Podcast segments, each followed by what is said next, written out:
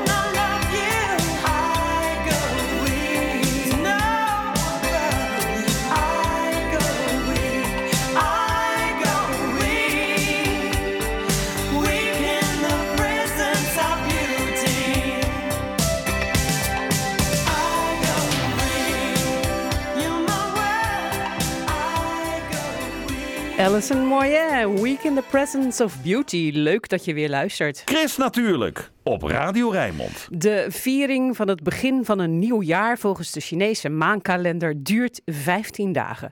Afgelopen zondag is Chinees nieuwjaar begonnen en nu zitten we er dus middenin. In Rotterdam wordt het feest dit weekend vooral op straat gevierd met de leeuwendans, draken en vuurwerk. Alles rondom Chinees nieuwjaar barst van de symboliek. Chris natuurlijk is op bezoek bij kunstenares Fen Mei Hu, die betrokken is bij de viering van het feest in Rotterdam. Wat doen bijvoorbeeld al die konijnen in de stad? Ja, die konijnen, dat zijn allemaal beschilderd door eh, kunstenaars, Rotterdamse kunstenaars.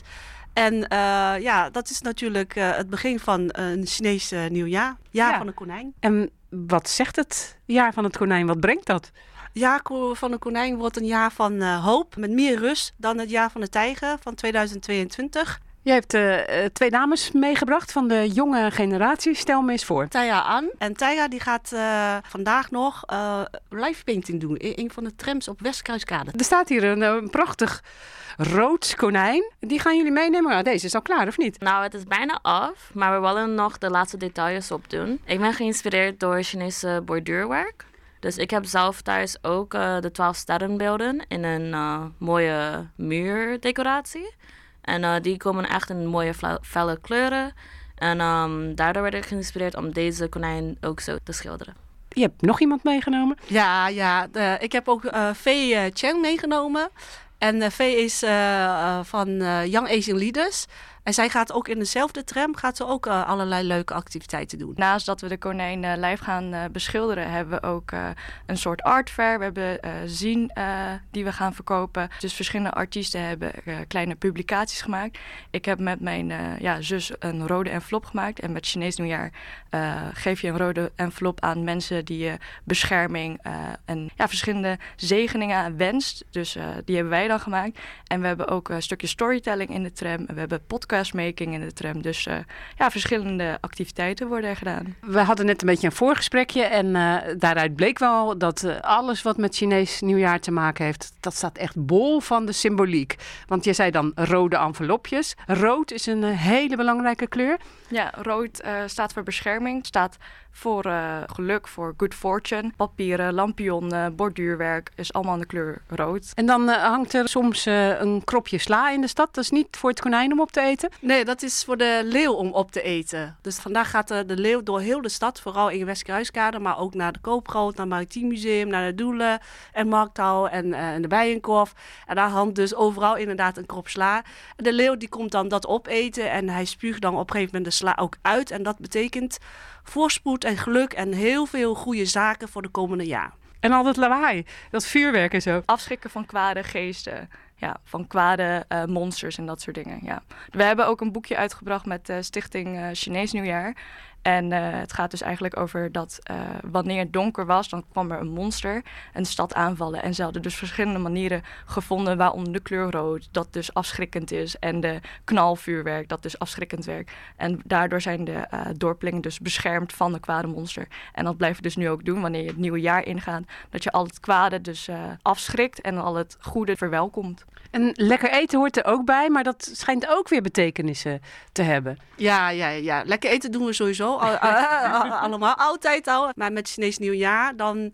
Wij noemen dat eh, kop en staat. Dus er moet een kop en staat zijn. Dus als je bijvoorbeeld vis gaat eten, dan moet je geen filet nemen, maar heel vis en zo vers mogelijk. Dat betekent dus een goed begin en een goed einde. Waarom geven we mandarijntjes? Het woord mandarijn, dat eh, is in Kantonees kat. En kat betekent ook wel geluk. Dus dan zeg je dus de gezegde tai kat tai lei. Betekent veel geluk, komt veel binnen. Ja, waarschijnlijk is mijn uitspraak niet zo goed. Dus voor de Kantonees beluisteraars, eh, het is een beetje scheef. Maar eh, ja, ik wens dat wel iedereen. En ja, er zit extra, extra betekenis in als ik eh, een mandarijn weggeef aan iemand. Morgen op de Kaap is er ook Chinees eh, nieuwjaar. En daar kun je lekker komen eten. Het is helaas al helemaal uitverkocht. Maar inderdaad, bij het Verhalenhuis bij Hoofddijk kan je meedoen met eh, Chinese hotpot. Dus eh fondue met de Chinese bouillon. En verder hebben we ook nog een klein programma op Dailyplein. En dat is eh, echt te danken aan eh Dromedaat. Die hebben dit jaar gezegd van, oh wat leuk dat jullie dit doen. Kom maar met een klein programma op de Dailyplein. En hun geven dus ook blijk aan de erfgoed hè, wat Katendrecht heeft. En dat is dat Katendrecht natuurlijk de allereerste Chinatown was. En de allereerste Chinese restaurant was ook in Katendrecht. Dus dat is hartstikke fijn. En als einde hebben we om zes uur op de plein van eh, Hotel New York, ja, Chinees vuurwerk. Straks draken en leeuwen dansen. En eh, daar moet je nog wel het een en ander voor kunnen als je dat zou willen. Ja, dat, dat is niet zomaar dat iedereen zo van, nou, ik wil het ook even proberen. Vooral de leeuwendansers, dat zijn eigenlijk allemaal kung fu beoefenaars. Dat is eh, echt gewoon spierkracht wat je moet hebben. De, de staart is voor, zeg maar, de kont is vooral eh, de persoon die gebukt moet gaan. En de, de persoon in de kop, die is vooral sterk in de armen, omdat hij de, de kop dus de hele tijd vast moet houden. En jij zei van ja, dat kan niet zomaar dat iemand dat de hele dag door doet. Nee, nee, nee, nee. Want eh, een eh, normale leeuwendans duurt ongeveer 10 minuten, 15 minuten. En dan eh, elke winkels die mee wil doen, die, eh, die krijgt een leeuwdans voor de deur. Dat betekent dus dat er eigenlijk heel veel eh, leeuwen klaarstaan om elkaar af te wisselen. En die zijn er dus ook gewoon in Nederland. Ja, die zijn er. Die zijn, die, die zijn zeker wel te vinden, maar helaas niet heel veel. En daarom vieren we ook niet tegelijk met Den Haag. Ook omdat Den Haag natuurlijk heel veel leeuwen gebruiken. En wij in Rotterdam ook.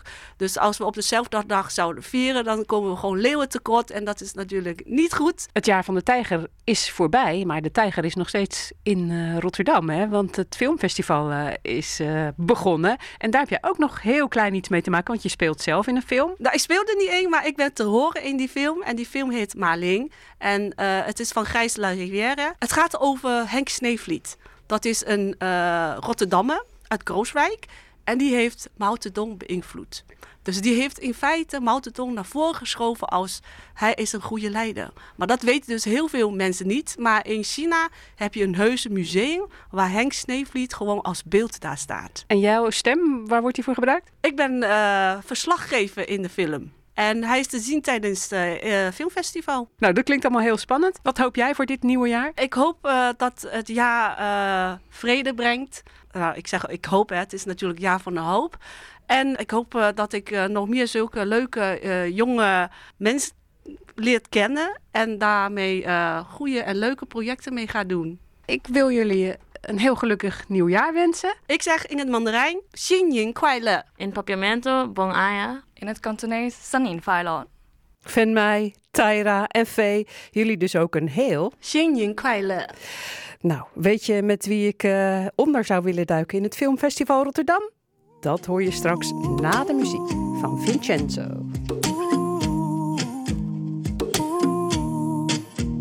I remember rolling down your street one day when I was lost. Ever since I kept on taking it in case our paths would cross. Threw a rock about your window just to hear you say hello. I broke the glass and ran so fast, your daddy still don't know. I'll bring you flowers to your doorstep on the daily.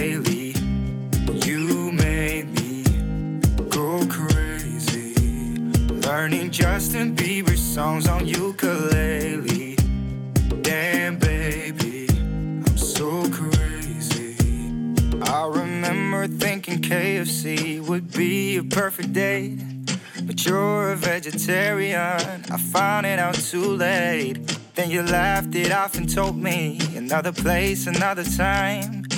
Then I'm eating tofu with a salad on the side. I'll bring you flowers to your doorstep on the daily. You made me go crazy. You're my Beyonce, you know I could be a Jay Z. Damn, baby, I'm so crazy. I remember breaking up that time. You caught me on a lie. A hundred thousand roses later, I apologize. I wrote this song about you, didn't care about the charts. All I wanted was for you to keep it in your heart. I'll bring you flowers to your doorstep on the daily. You made me go crazy. I don't care about Ariana, you're my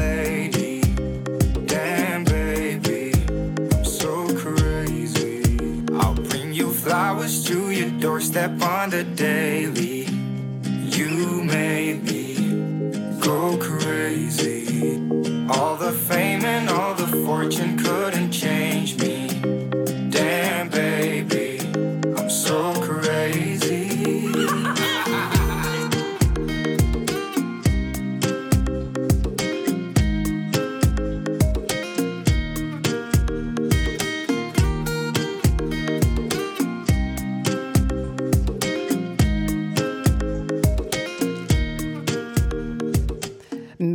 zou jij willen onderduiken op het International Film Festival Rotterdam? Met Paul Verspeek natuurlijk. At last.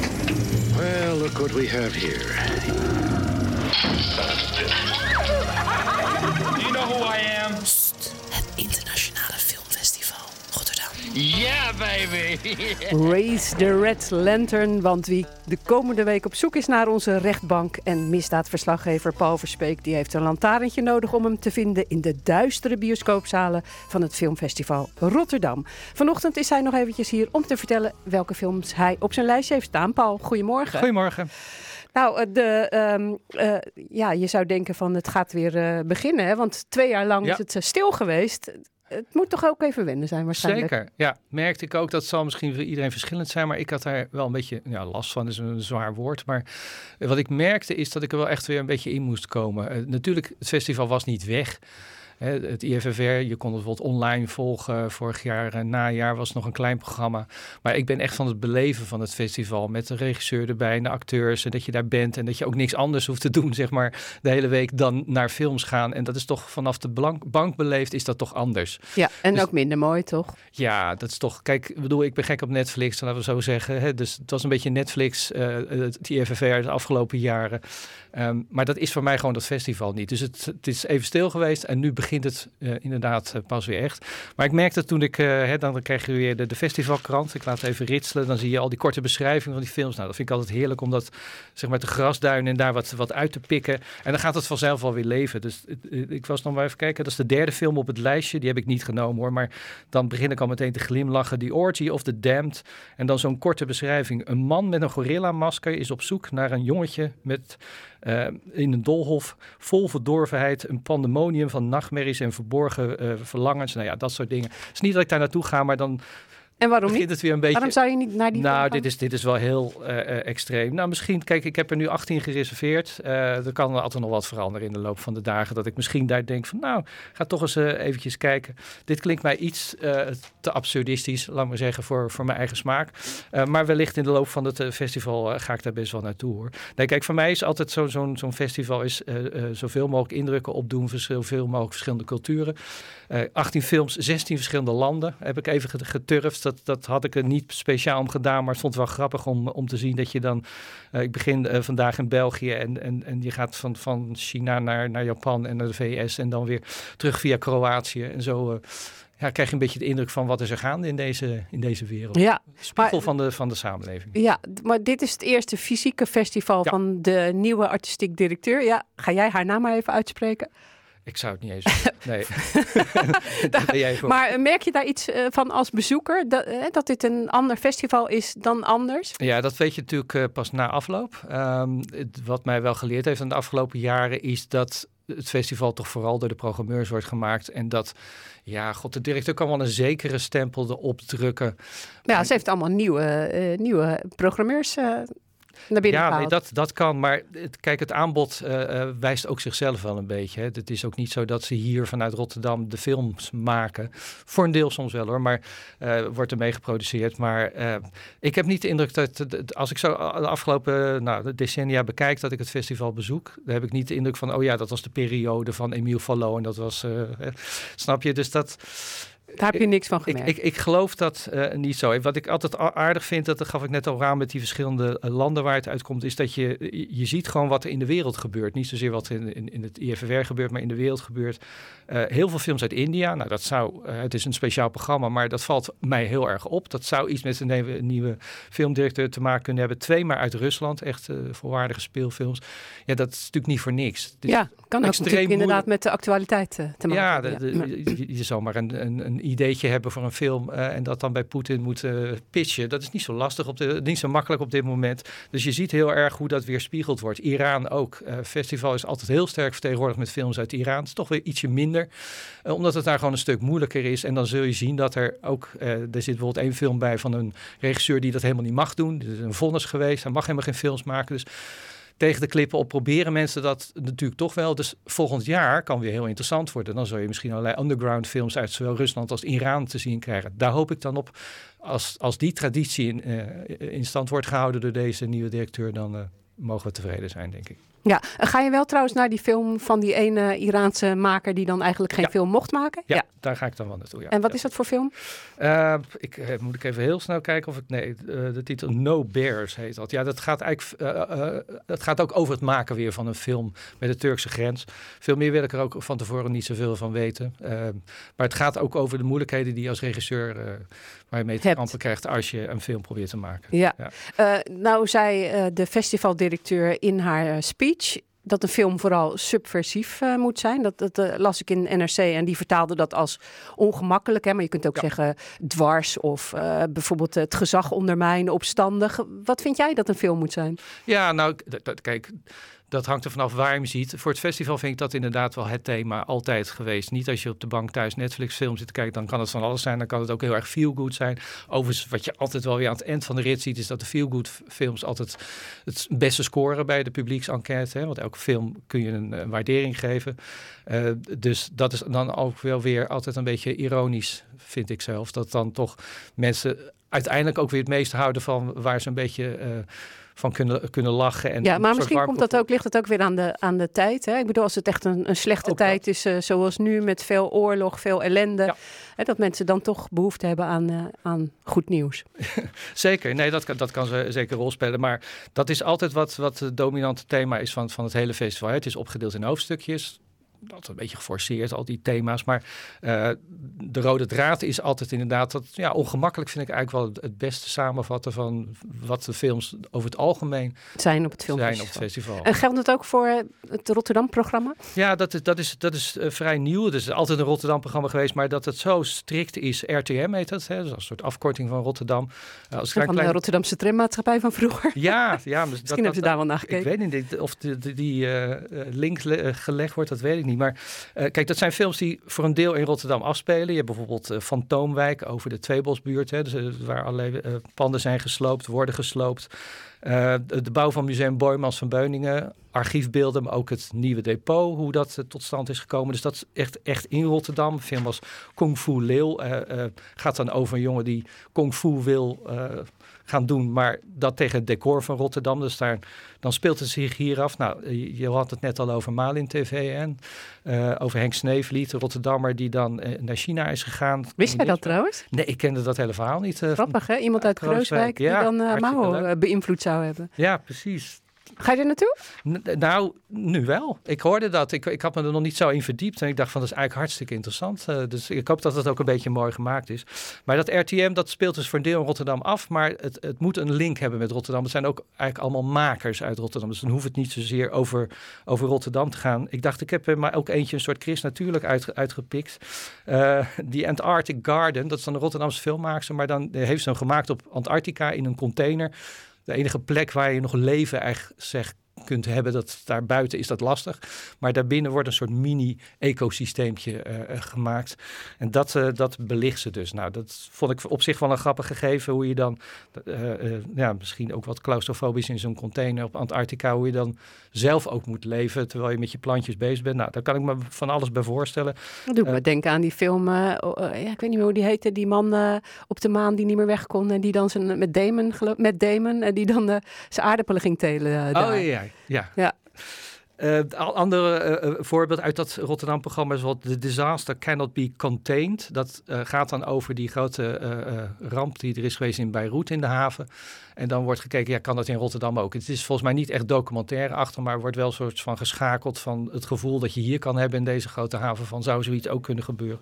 Nou, ik vind dat er heel erg aardig uitzien, moet ik zeggen, dit jaar, dat Rotterdam-programma. Ik dat is heel gevarieerd en, en ook wel goed om dat thematisch te belichten. En dan ja, hou je het ook een beetje dicht bij huis. Hè? Want het is natuurlijk allemaal ver weg. Maar Ja, dan komt en het, het is natuurlijk. International Film Festival, dus ja, ze moeten natuurlijk ook rekening houden met, eh, met ver eh, weg. Ja. Eh, heb je nog films uitgekozen die iets te maken hebben met je vak als misdaadjournalist, rechtbankverslaggever? Een beetje, een beetje. Ja, ehm, vanmiddag ga ik naar, of is dat morgen? Ik moet eventjes mijn lijstje bijpakken hoor. Maar naar een film over een maffialeider die...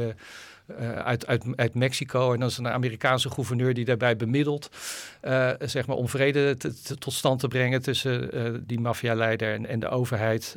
Maar dan wordt zijn eigen dochter bedreigd door die maffialeider. Nou, dat vind ik dan wel weer grappig zou ik niet willen zeggen, maar wel interessant om, om naar te Om kijken. naar te kijken, ik heb ja. er niet specifiek op, op, ge- op geselecteerd, eh, moet ik je zeggen. Wat jij wel vaak doet, hè, dat, heb je, want je best, bent best wel vaak ook hier geweest om te vertellen hoe jij dan selecteert. En dat is, ja, je vindt ook belangrijk dat ehm, zeg maar de grote gebeurtenissen van de wereld, hoe Ja. die invloed hebben op gewone mensen. Ja, precies. precies. De- wat ik net al zei, een soort spiegel. Eh, vandaar dat ik ook in zoveel verschillende landen eh, terechtkom. Ehm, en dat ik ook altijd wel films uit het Midden-Oosten eh, uitkies, omdat je daar veel over hoort via nou ja, ons, zou je kunnen zeggen, de media. Ehm, maar dan is het altijd aardig is te zien juist hoe het dagelijks leven gewoon soms heel veel verder gaat. Eh, en dat heb ik altijd in Iran gezien. Eh, dus wat, wij, wat ons hier bereikt, dat is maar een flauwe afspiegeling van hoe mensen daar ook gewoon doorleven. En het valt me dan nu zo op dat er zo weinig vandaan komt. En dan denk je, dan is er ook echt iets aan de hand. Dan, dan raakt het wel heel erg het filmmaken zelf. Ja. Ja. Ehm, denk jij dat, eh, dat er nog eh, plek is? Hè? Dat als je Oh, nu denkt van ja. ik, ga, ik ga nog even een paar filmpjes Nee hoor, eh, ik heb bekijken. gisteravond nog even gekeken, dat is geen probleem. Ik bedoel, sommige zijn wel uitverkocht. Ik, bedoel, ik ga morgenochtend naar Munch. Hè, dat was de openingsfilm over Oh ja, Edvard ja. Munch, de Noors- Noorse kunstenaar. Ehm, Van de schreeuw, hè, van, de, schreeuw, beroemde de schilderij. schreeuw. Zeker, ja.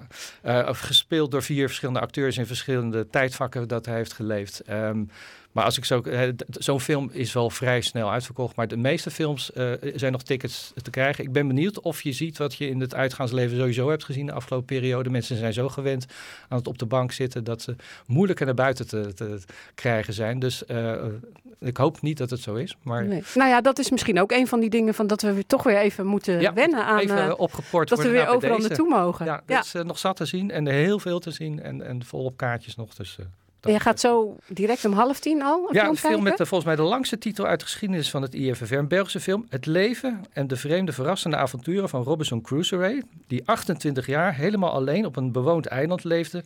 En zei dat het van hem was. Zo, nou, we hebben de film al Het gaat bijna over gezien, denk ik. kolonialisme, maar eh, eh, het is volgens mij ook wel grappig. Niet alleen omdat het een Belg is, maar om, eh, die het heeft gemaakt. Maar als je zo'n titel eh, je verzinnen, dan moet het wel leuk zijn. Dan weet je dat je iets wil zeggen gelijk. Paul, doe hem nog een keer. Ja, dag. Dankjewel. Veel plezier op het 52e International Film Festival Rotterdam. Ja, dat eigenlijk dit keer weer een beetje als eh, nieuw voelt. Het festival is tot en met 5 februari te zien in Rotterdam. Chris Natuurlijk. De weekendbijlage. Wat staat er in de weekendkranten over groen, natuur en milieu? Je hoort het in het overzicht. Ik lees het samen met Cornel van der Heijden. Cornel. Goedemorgen. Goedemorgen nogmaals. Jij leest het eerste bericht. We zijn niet goed voorbereid op een nieuwe pandemie. Dat zegt de viroloog Ron Fouchard van het Erasmus MC in Rotterdam in Trouw vandaag. De volgende pandemie zou wel eens de vogelgriep kunnen zijn. Met zo'n 17 miljoen mensen, 100 miljoen kippen, 12 miljoen varkens en een komen en gaan van trekvogels... hebben we in Nederland alle ingrediënten in huis om het centrum van zo'n epidemie te worden. Hoe is het om een bij te zijn? Dat vraagt het AD zich af in de weekendbijlage. Het antwoord komt van een Duitse gedragsonderzoeker van dieren. Iedere bij die heeft een bewustzijn en prachtig uitgewerkte hersenen, zegt hij in de krant. Het is verleidelijk om in de winter extra lang onder de wol te kruipen, maar moet je daar ook aan toegeven. In de Volkskrant lees je of we echt meer slaap nodig hebben tijdens donkere dagen. Wat denk jij? Ja, ik denk van wel. Half uurtje, las ik. Oh, is dat zo? Zo weinig maar. niet meer. Je moet echt niet aan die verleiding eh, toegeven. En eh, waarom niet? Dat lees je dan weer in de Volkskrant. Dierenorganisaties die eh, roepen op om ook dieren op te nemen in rampenplannen. Want dieren die zijn de dupe als er bijvoorbeeld meer natuurbranden komen. En daarover lees je in Trouw. Columnist Leon van Heel schrijft in het AD Rotterdam dat hij respect heeft voor de vogelklas Karel Schot in Rotterdam. Maandenlang zijn er vrijwilligers in de weer geweest met fysiotherapie bij een kerkuil die zijn nek had verrekt. Ja, het is maar wat er gebeurt. Daar kun je lacherig over doen, zegt de columnist in de krant, maar het is een wereld vol ellende. Zo, zo eh, zorgt eh, de vogelklas voor het broodnodige goede nieuws. Ja, toch? Het is wel zo. Cornel van der Heijden met het eh, groene en goede nieuws uit de weekendkranten en daarbuiten. Gaan we door met het weerbericht en dat komt vandaag van Stefan van der Gijzen. Stefan, goedemorgen. Chris, een hele goede morgen. Ik, ik appte jou al heel vroeg met een eh, foto en eh, een hele oranje eh, lucht. Gisteravond, Ja. vanochtend ook nog een beetje. En toen zei ik, hoe kan dat? Wat is er aan de hand? Nou, jij wist daar een verklaring voor. Ja, vaak als het bewolkt is, nou in de regio, en dat was het gisteravond en vannacht, dan lichten die kassen heel goed op. En ehm, ik heb het zelfs een keer vanuit ehm, het kwakjeswater in Rokanje gezien. Nou, daar is het s'avonds en s'nachts heel erg donker. En dan zie je het zelfs aan de horizon ook oplichten als het bewolkt is. Ja, en dat zijn vaak dus die kassen of een enkele keer een bouwplaats. Ja, het maakt het er allemaal niet mooier op, maar het ziet er soms wel Nee. spectaculair uit. Ja, precies. Dat, eh, lekker voor de dieren, dat wel. Maar ja, goed. We kunnen er eh, niks eh, aan doen. Nee. Ja, wat dacht je van het weer vandaag? Volgens mij wel lekker. Ja, nou, eh, vandaag hebben we te maken met eh, nog steeds een hoge drukgebied eh, in onze omgeving. En die zorgt voor heel rustig weer in onze regio. Als je al buiten bent geweest vanochtend, dan heb je ook gemerkt dat er eigenlijk niet of nauwelijks wind staat. Ja, en dat blijft dan de rest van de dagen van vandaag ook zo. Ook blijft het de hele dag droog en dan zien we de zon af en toe. De temperatuur ligt nu rond de 2 graden en komt vanmiddag uit tussen de 5 en de 6 graden. Dat is vrij fris, maar dat is wel normaal voor deze tijd van het jaar. Ja. Nou, kijken we dan naar vanavond, dan neemt de bewolking toe op nadering van een zwak front vanuit het noordwesten. En daar zit ook wat lichte regen of motregen op. En daar krijgen we dan komende nacht en ook morgen mee te maken. De temperatuur daalt vannacht naar een graad of 3 en de zuidwestenwind die neemt geleidelijk wat in kracht toe. Nou, morgen ziet het er allemaal net even een fractie minder mooi uit dan vandaag, want er is veel bewolking. Soms valt er wat motregen, maar zeker geen grote hoeveelheden. Ook staat er wel duidelijk meer wind dan vandaag. Die komt dan uit het westen tot zuidwesten. Die is matig boven land, dat is een windkracht 4, tot krachtige windkracht 6 aan zee. Ja, en dat is de opmaat, had ik begrepen, tot eh, nog veel meer wind volgende week. Ja, dat klopt. Eh, na het weekend ja, eist eh, de wind een hoofdrol op. Want, zowel op maandag, dinsdag als woensdag staat er zowel boven land als aan de kust veel wind uit het westen. Geen storm of stormachtig, maar goed, je gaat het zeker wel merken. Dat is een vrij krachtige wind boven land, een windkracht 5. En een krachtige wind, windkracht 6 aan zee. En misschien soms wel even hard, windkracht 7. Dus echt wel veel wind. Maar het weerbeeld valt wel mee. Het is licht wisselvallig met soms wat regen of een bui. Ook zeker geen grote hoeveelheden. Dus ja, het wordt niet zo kletsnat als wat we begin van de maand hebben gehad. Sommige plaatsen in de regio hebben al meer dan 180 mm aan regen. Nou, normaal valt er gemiddeld een millimeter of 70. Dus dat is echt wel kletsnat. Recordhoeveelheden zijn er gevallen. Maar dat gaan we dus zeker niet meer krijgen. Wel wordt het wat zachter volgende week met een graad of 9. Nou, en dan zeg ik gewoon tegen alle verslaggevers, eh, plopkap eh, mee tegen de wind. En eh, dit weekend, wat denk jij dat het beste moment is om vogels te tellen, meedoen aan de tuinvogeltelling? Nou, ik denk eh, lekker vanmiddag. Gaan we doen. Dankjewel. Fijn weekend. Oké. Hoi, Jij hoi. ook, hoi. Luisteren allemaal naar Chris. Kom daar toch. Chris, natuurlijk.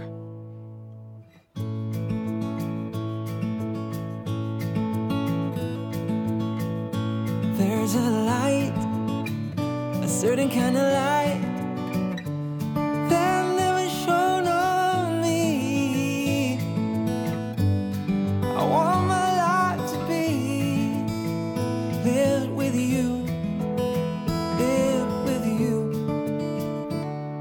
There's a way where everybody say to do each and every little thing. But what does it bring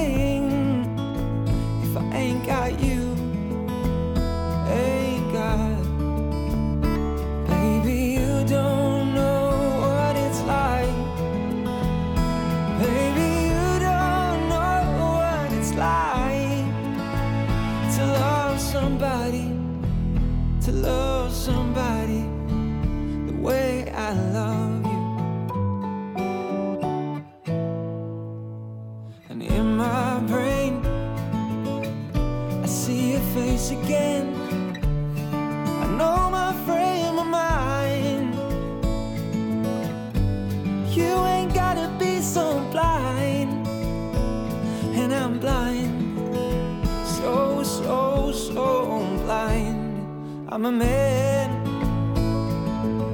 Can't you see what I am?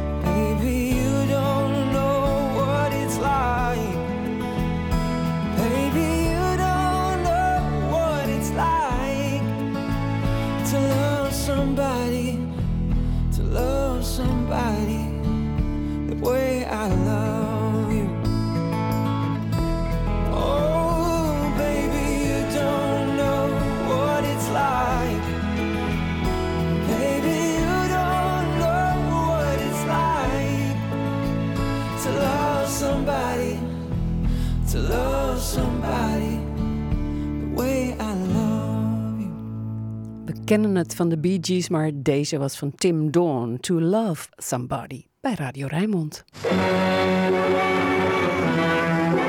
Een hevige orkaan, samenvallend met een springvloed, bracht op 1 februari een ramp over Nederland. Pas toen men die maandagmorgen boven het rampgebied kon gaan vliegen, werd de omvang enigszins duidelijk. Er zijn te weinig boten om, met ene boot kan het niet af. Nederland staat op 1 februari stil bij de watersnoodramp in Zuidwest-Nederland, woensdag precies 70 jaar geleden. Tegen de extreem hoge waterstanden waren onze dijken in 1953 niet bestand. Natuurmonumenten die houdt woensdag een wandelexcursie op het eiland 10 gemeten. Net als de rest van de Hoekse Waard werd het eiland zwaar getroffen door de ramp in 1953. Na een tochtje met de veerpont komt Chris natuurlijk op het eiland aan en daar vertelt boswachter Otto de Kat meer over de excursie. 1 februari leeft natuurlijk enorm in dit gebied. Eh, Van Zeeland tot aan eh, hier in de Hoekse Waard, eh, West-Nederland, maar ook in Brabant. En we vinden het zo belangrijk om dat verhaal te blijven vertellen met elkaar, omdat het gewoon echt nog leeft. Het leeft in de mensen, maar het leeft ook in het landschap. Ook in het landschap zie je nog contouren die terug te herleiden zijn naar die watersnoodramp toen der tijd. En niet alleen in het landschap, want eh, ja, je ziet ook wel eens in huizen. Dan zie je gewoon het, het zout van waar het water kwam. Ja, klopt. Ja, ik woon zelf in, een, eh, in, in zo'n huis, Chris. Ja, en daar zie je inderdaad tot een centimeter of 50 zie je soms het stuk wat, eh, wat loslaat door het zout. Nou zijn wij hier op het eiland eh, 10 gemeten. Wat hebben die te schaffen gehad met de watersnood? Nou, echt wel pittig. Het is hier echt wel pittig geweest. En zeker voor een relatief klein eiland natuurlijk. Eh, er is hier, eh, hier moet je voorstellen, in de, in de stormnacht, de nacht van tevoren, werden mensen al eh, zenuwachtig van het weer. De gebroeders Ardon, eh, waarvan één de opzichter was voor de familie waarvan het eiland was, die zag het slechte weer echt wel aankomen. Die zag echt wel aankomen dat er, dat er iets groots te gebeuren was. Dus die is alle landarbeiders en iedereen die in de polder was, die is zich gaan waarschuwen. Ja, want eh, dit was dus een, een landbouweiland. En hoeveel mensen woonden hier dan op het eiland? Hier woonden ze toen de tijd om en nabij de 100, 120 mensen. Of tenminste, die verbleven hier in ieder geval. Dit eh, stuk hè, waar we nu zijn, dat is dus als je net eh, eh, met de veerpont aankomt op het eiland. De Margarita Hoeve, zo, zo heette dat dan vroeger eigenlijk. Hè? Want ja, daar wonen gewoon boeren. En wat kan je hier vertellen op deze plek? Ja, klopt. Dit is, dit is de oude boerderij. Dat is de woning van de boerderij die daarbij hoorde. Dit is de schuur. Die stonden los van elkaar. Hier woonde de familie. En je moet je voorstellen, hier op die stormnacht kwamen hier zo'n 40 mensen zijn hier uiteindelijk terechtgekomen.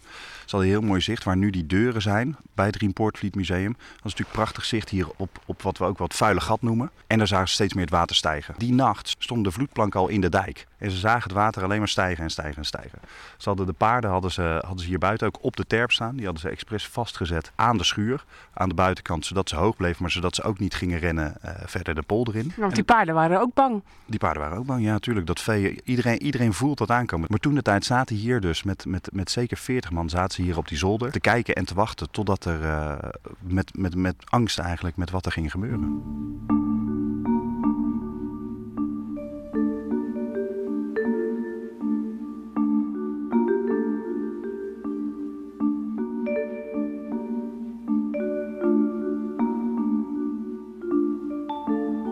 Is ook wel een heel ernstige excursie natuurlijk eh, die je dan eh, gaat houden. Misschien ook wel een beetje dubbel. Dat je denkt van ja, moet ik dan op excursie voor een ramp? Ja, nee, zeker. Dat, is, dat, dat kan me voorstellen dat dat dubbel is. Tegelijkertijd, wat, wat, wat ik, ik ben zelf een halve zeeuw. Wat ik zelf heel erg terug, eh, heel erg terug zie altijd, is dat de mensen die het vooral hebben meegemaakt, die het zo belangrijk vinden dat het verhaal verteld wordt. Ja, want in het begin heb ik wel eens verhalen gehoord hè, dat de mensen gewoon er niet meer over spraken. Ze gingen gewoon door. Zeker. En ik ken ook mensen die het heel fijn vinden om het, om het te vertellen.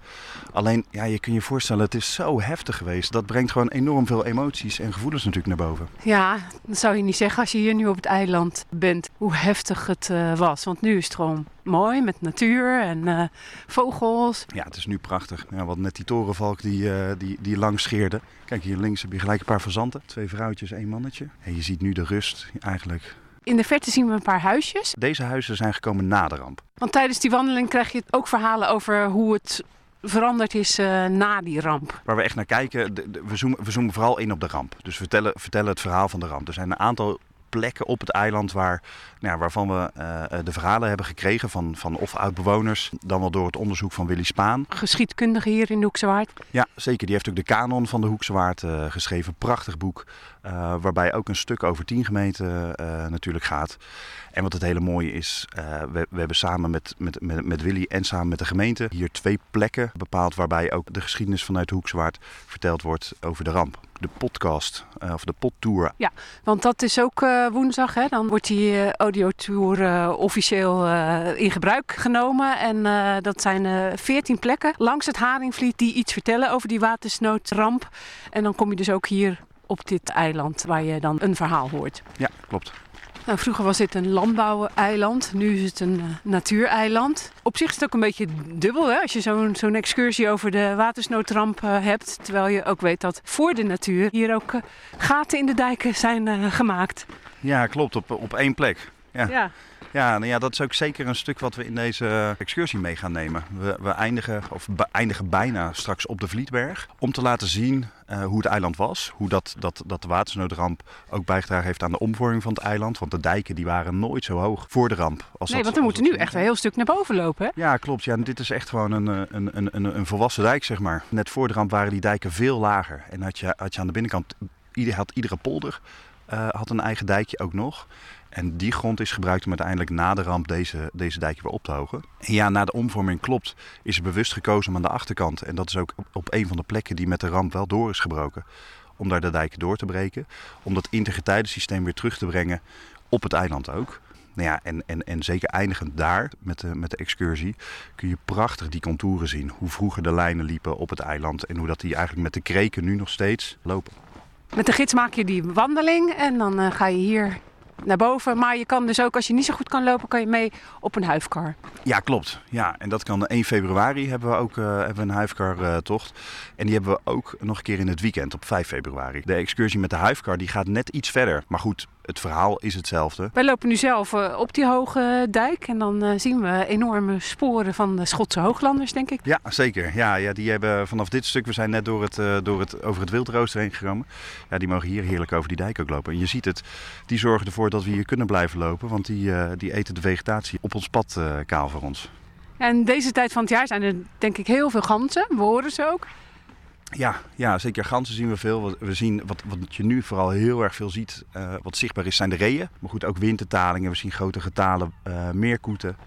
Ja, er zit, er zit ongelooflijk veel waterleven nog, eh, nog hier. Kijk, achter je zie je nu een wintertaling gaan. Kijk, we staan hier nu, nu op de dijk, waar trouwens prachtig een grote zilverreiger nu, nu langs vliegt. En we zien nu daar de sluiswachterwoning zien we liggen, zie je die? Daar hebben de gebroeders Ardon, daar heeft een van de gebroeders Ardon gewoond. Dat was de opzichter van het eiland, die dus tijdens die rampnacht besloot, ik moet de mensen gaan waarschuwen.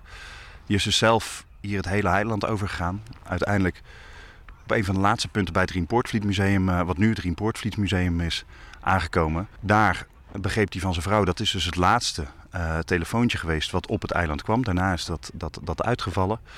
Die begreep van zijn vrouw, joh, er zitten bij ons ook mensen, ik heb je nodig, kom alsjeblieft. Ze hebben hem toen gewaarschuwd, hier de mensen die daar waren, van joh, doe dat niet, het is gevaarlijk. Eh, maar hij besloot samen met zijn broer om wel terug te gaan. Die zijn hier over de dijk, zijn die die kant op gelopen. De dijk Ja, want, een want ze wilden dus eh, eigenlijk eh, eerst de dijken inspecteren, maar later eh, hebben ze echt eh, mensen gered. Ja, ze hebben echt ervoor gekozen eh, om, de, om de mensen te gaan redden op het eiland. Of om de mensen te gaan waarschuwen van ga naar, ga naar hoger gelegen eh, gebied. Ja, en dit is de route die die mannen eh, voor het laatst waarschijnlijk hebben afgelegd. En dat is natuurlijk enorm schrijnend. Dus sowieso ontzettend schrijnend en triest. De mensen die overleden zijn toen de tijd. En deze mensen, die, deze twee mannen, die hebben zo'n ontzettende heldendaad verricht. Maar dat, dat natuurgeweld, dat is natuurlijk ook denk ik onvoorstelbaar Nou voor ja, ons. Ja, dat is onvoorstelbaar. Nou ja, we, kennen, we, kennen, we kennen zelf een aantal stormen die we, die we hebben meegemaakt. Eh, wat heftig is. Maar de heftigheid wat, wat er toen de tijd was, en zeker met die noordwestenwind, die natuurlijk al dat water hier, hierheen heeft geduwd. En als je dan voorstelt dat het eigenlijk laag water had moeten zijn, maar dat het water zo hoog stond als dat het vloed was. Ja, dat is natuurlijk enorm angstig. Dat je weet, diezelfde bak water als die er nu staat, die komt er nog een keer bij. Kijk eens, allemaal hazen. Ja, mooi hè? Ja, want dat is natuurlijk ook zo met, met de watersnoden. Voor als er in ieder geval heel veel water komt, die dieren die, die proberen ook een, eh, een plek te vinden. Ja, een hoger gelegen plek. Dan was het natuurlijk hoofdzakelijk vee wat er toen de tijd was, omdat het een landbouweiland was. Maar ook misschien wel hazen. Ja, die zullen er zeker ook gezeten hebben. Ja. ja. En je had het over die paarden aan het begin, hè, bij die boerderij. Wat is daarmee gebeurd? Ja, durf ik niet te zeggen. Dat is, dat is, dat is natuurlijk het lastige met, eh, met, dat het ook 70 jaar geleden is. Ehm, wat, wat, wat ik wel weet, dat er bij één boerderij dat, dat er slechts één kalf verdronken was van de koeien. Dus dat ze juist de koeien wel kunnen redden. Maar wat, wat, wat er verder met vee, ja, er is natuurlijk ook gewoon echt wel veel vee verdronken toen de tijd. Vanaf de dijk zie je natuurlijk hier overal die boerderijen staan. Ja, klopt. Ja, je ziet het hier heel mooi in het landschap. Dat ze dus ook echt wat hoger liggen. Maar ja, ook bij die boerderijen kwam het water hoog. Zeker, ja. We hebben, we hebben, we hebben zelfs een verhaal dat, uh, dat, dat ze inderdaad aan de soep zaten. Uh, in een van de boerderijen. Omdat ze natte sokken kregen, merkte een van de, de mannen. Dat zeiden, joh, we moeten naar boven. Dat ze op zolder zijn gaan zitten. En dat ze na de vloed uh, zagen dat de soeppan nog steeds op tafel stond. Nou, hier zijn we op het laatste stuk waar ik je mee naartoe wilde nemen, Chris. Want hier heb je, heb je de oude veerhaven. Je moet je voorstellen, er kwamen hier ook schepen. Het was een landbouweiland. Ja, die goederen die gingen met de pont uh, soms over, maar voor een groot gedeelte ook met schepen. Er lag hier op een gegeven moment de leentje. Dat lag hier de nacht voor de stormnacht. En dit verhaal heb ik, heb ik gekregen hier van, van een meneer, een bezoeker, die op een gegeven moment hier bij ons het bezoekerscentrum inliep, vorig, uh, vorig voorjaar. En die zegt, dit verhaal wil ik je graag vertellen. Hij was namelijk een van de kinderen die aan boord bij zijn ouders woonde uh, op het schip. En het schip was al half volgeladen, maar ze waren begonnen met het voorruim. Dus het voorruim was al, was al volgeladen toen ze realiseerden, joh, er komt nou weer aan, dat is echt niet oké, dus we moeten eigenlijk weg. Maar dat ging niet, want er stond veel te weinig water op de schroef. Want doordat het schip natuurlijk aan de voorkant geladen was, kun je je voorstellen, is die, die kont van zo'n schip, dat staat een beetje omhoog. Dus ze konden toen niet meer, uh, niet meer weg. Toen zijn zij met de familie, dus ook hier, uh, uh, in wat nu het Riempoortvliet Museum, terechtgekomen en hebben daar op zolder gezeten. In de nacht is dat schip dus met zoveel heftigheid opgetild en dat heeft hier dwars op de dijk gelegen. Nou ja, het, het, is, het is niet voor te stellen hoe wat een kracht dat dat geweest moet zijn. Dat, dat, dat zo'n schip hier op zo'n dijk terechtkomt. En, en, en, en zeker de foto's die, die ervan zijn, ja, die, die, die spreken gigantisch tot de verbeelding natuurlijk. Wij hebben natuurlijk maar een heel klein uh, gedeelte gedaan van die uh, excursie, maar die is veel groter. Met de huifkar is, is hij nog een stukje groter, want dan ga je inderdaad wat verspreider over het eiland. Uh, te voet is dat net, net wat ver. En uiteindelijk eindigt die excursie strakjes bij de Vlietberg en daarna natuurlijk naar het bezoekerscentrum. Met ook het hele verhaal van, joh, wat is er nou na die watersnoodramp gebeurd? Welke keuzes zijn er waarom gemaakt, ook net met de omvorming van landbouweiland naar natuureiland? Nou, en voor mij komt de veerpont er weer aan, dus daar ga ik zo op. Dankjewel. Ja, heel graag gedaan en hopelijk tot de volgende keer, Chris.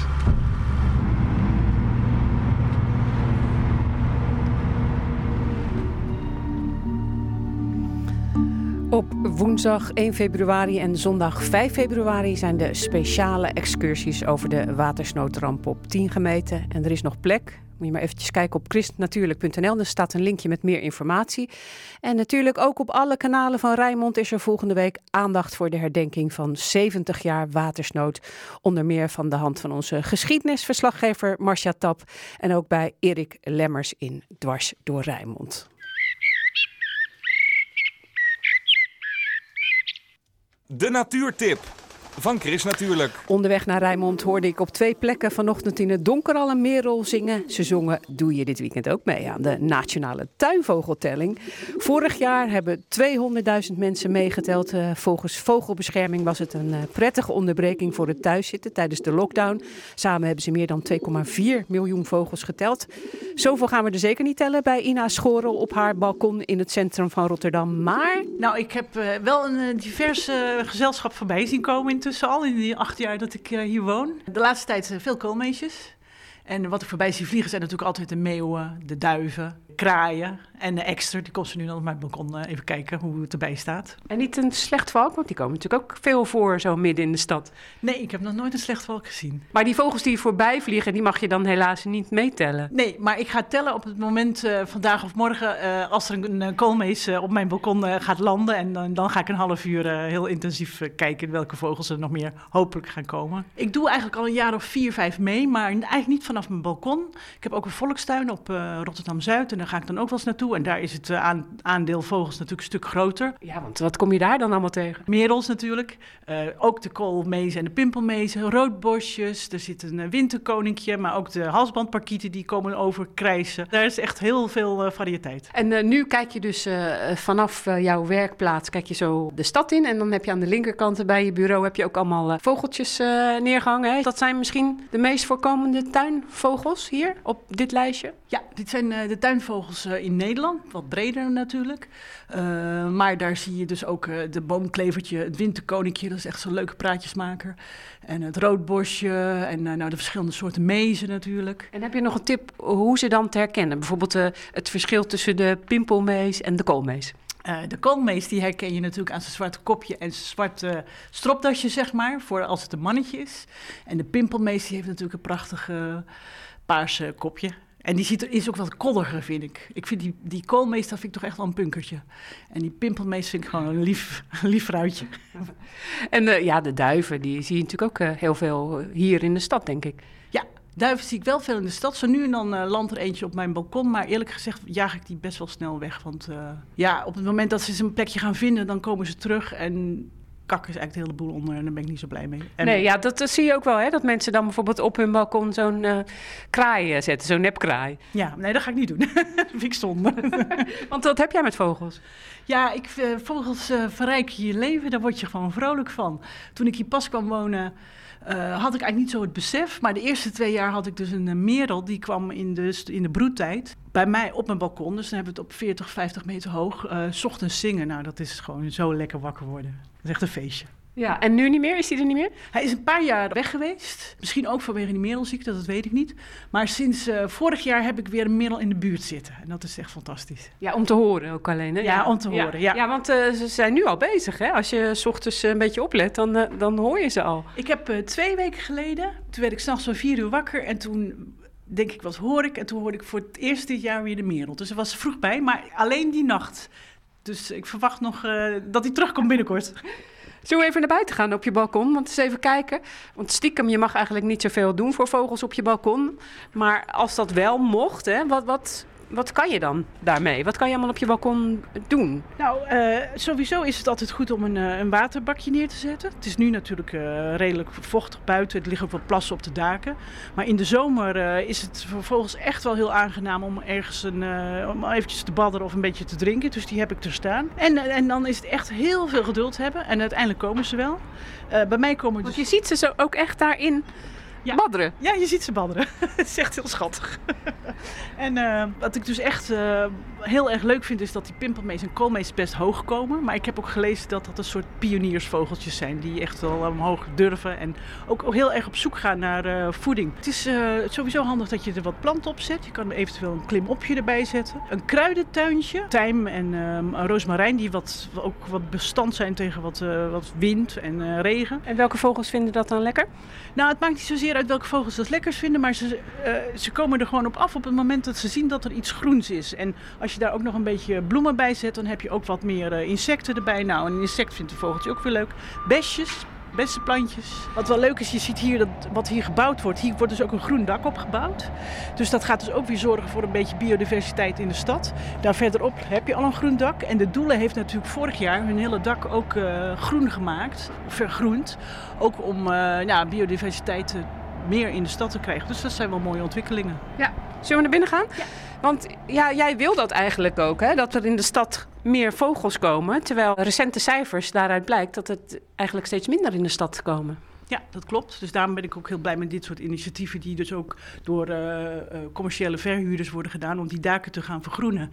En dat dat bijdraagt aan eh, wat meer ja, vogels en vooral diversiteit aan vogels in de stad. Een vogelbescherming die zegt ook, gaat het goed met vogels in een stad, dan gaat het goed met het groen in de omgeving en dus ook met de mensen. Hoe denk jij daarover? Ja, dat klopt. Een vogel heeft een absoluut positieve uitwerking op je gemoedstoestand. En dat is ook wetenschappelijk bewezen. Dat eh, ja, vogels maken mensen vrolijker en, eh, en, en, en ja, je, gaat er, eh, je wordt er ook wat rustiger van. En vooral is dat handig in, als je in een drukke stad woont. Ja, precies. En, en noem jij eens de mooiste vogel die jij ooit hebt gezien? Oei, ehm, nou ik vind zelf een uh, winterkoninkje vind ik wel een ontzettend leuk vogeltje, omdat het zo'n ongelooflijk praatjes maakt. Dit er komt zo'n gigantisch uh, geluid komt eruit en zo divers. En als ik die hoor zingen, dan word ik altijd wel heel erg vrolijk. Nou, een heerlijk ontspannend geluid van de winterkoning voor Ina Schorrel, die dit weekend, net zoals duizenden andere mensen, meedoet met de tuinvogeltelling, ook op het balkon. En ik heb even gekeken naar de, de nieuwste cijfers van uh, Zuid-Holland. De huismus staat op één, de koolmus, koolmus, de koolmees op twee en de kou op drie. En dat is natuurlijk nog voorlopig. Iedereen kan nog uh, gaan tellen. Je kan eventjes kijken op chrisnatuurlijk.nl uh, voor een linkje met informatie hoe je dat dan precies moet uh, doen. Daarmee zijn we aan het einde gekomen van uh, Chris Natuurlijk, een programma van Chris Vemer, Cornel van der Heijden, Danielle Koren en Rob van der Meer, die werkte mee. En wat dachten jullie van een waddeneiland in de Rijnmond? Volgende week hoor je er meer over in Chris Natuurlijk. Voor nu wens ik jullie allemaal een fijn weekend. Veel plezier met de tuinvogeltelling of andere dingen die je gaat doen dit weekend. En veel plezier ook met programma's op Rijnmond, zoals straks drie uur lang de Rijnmond Blues. Fijn weekend!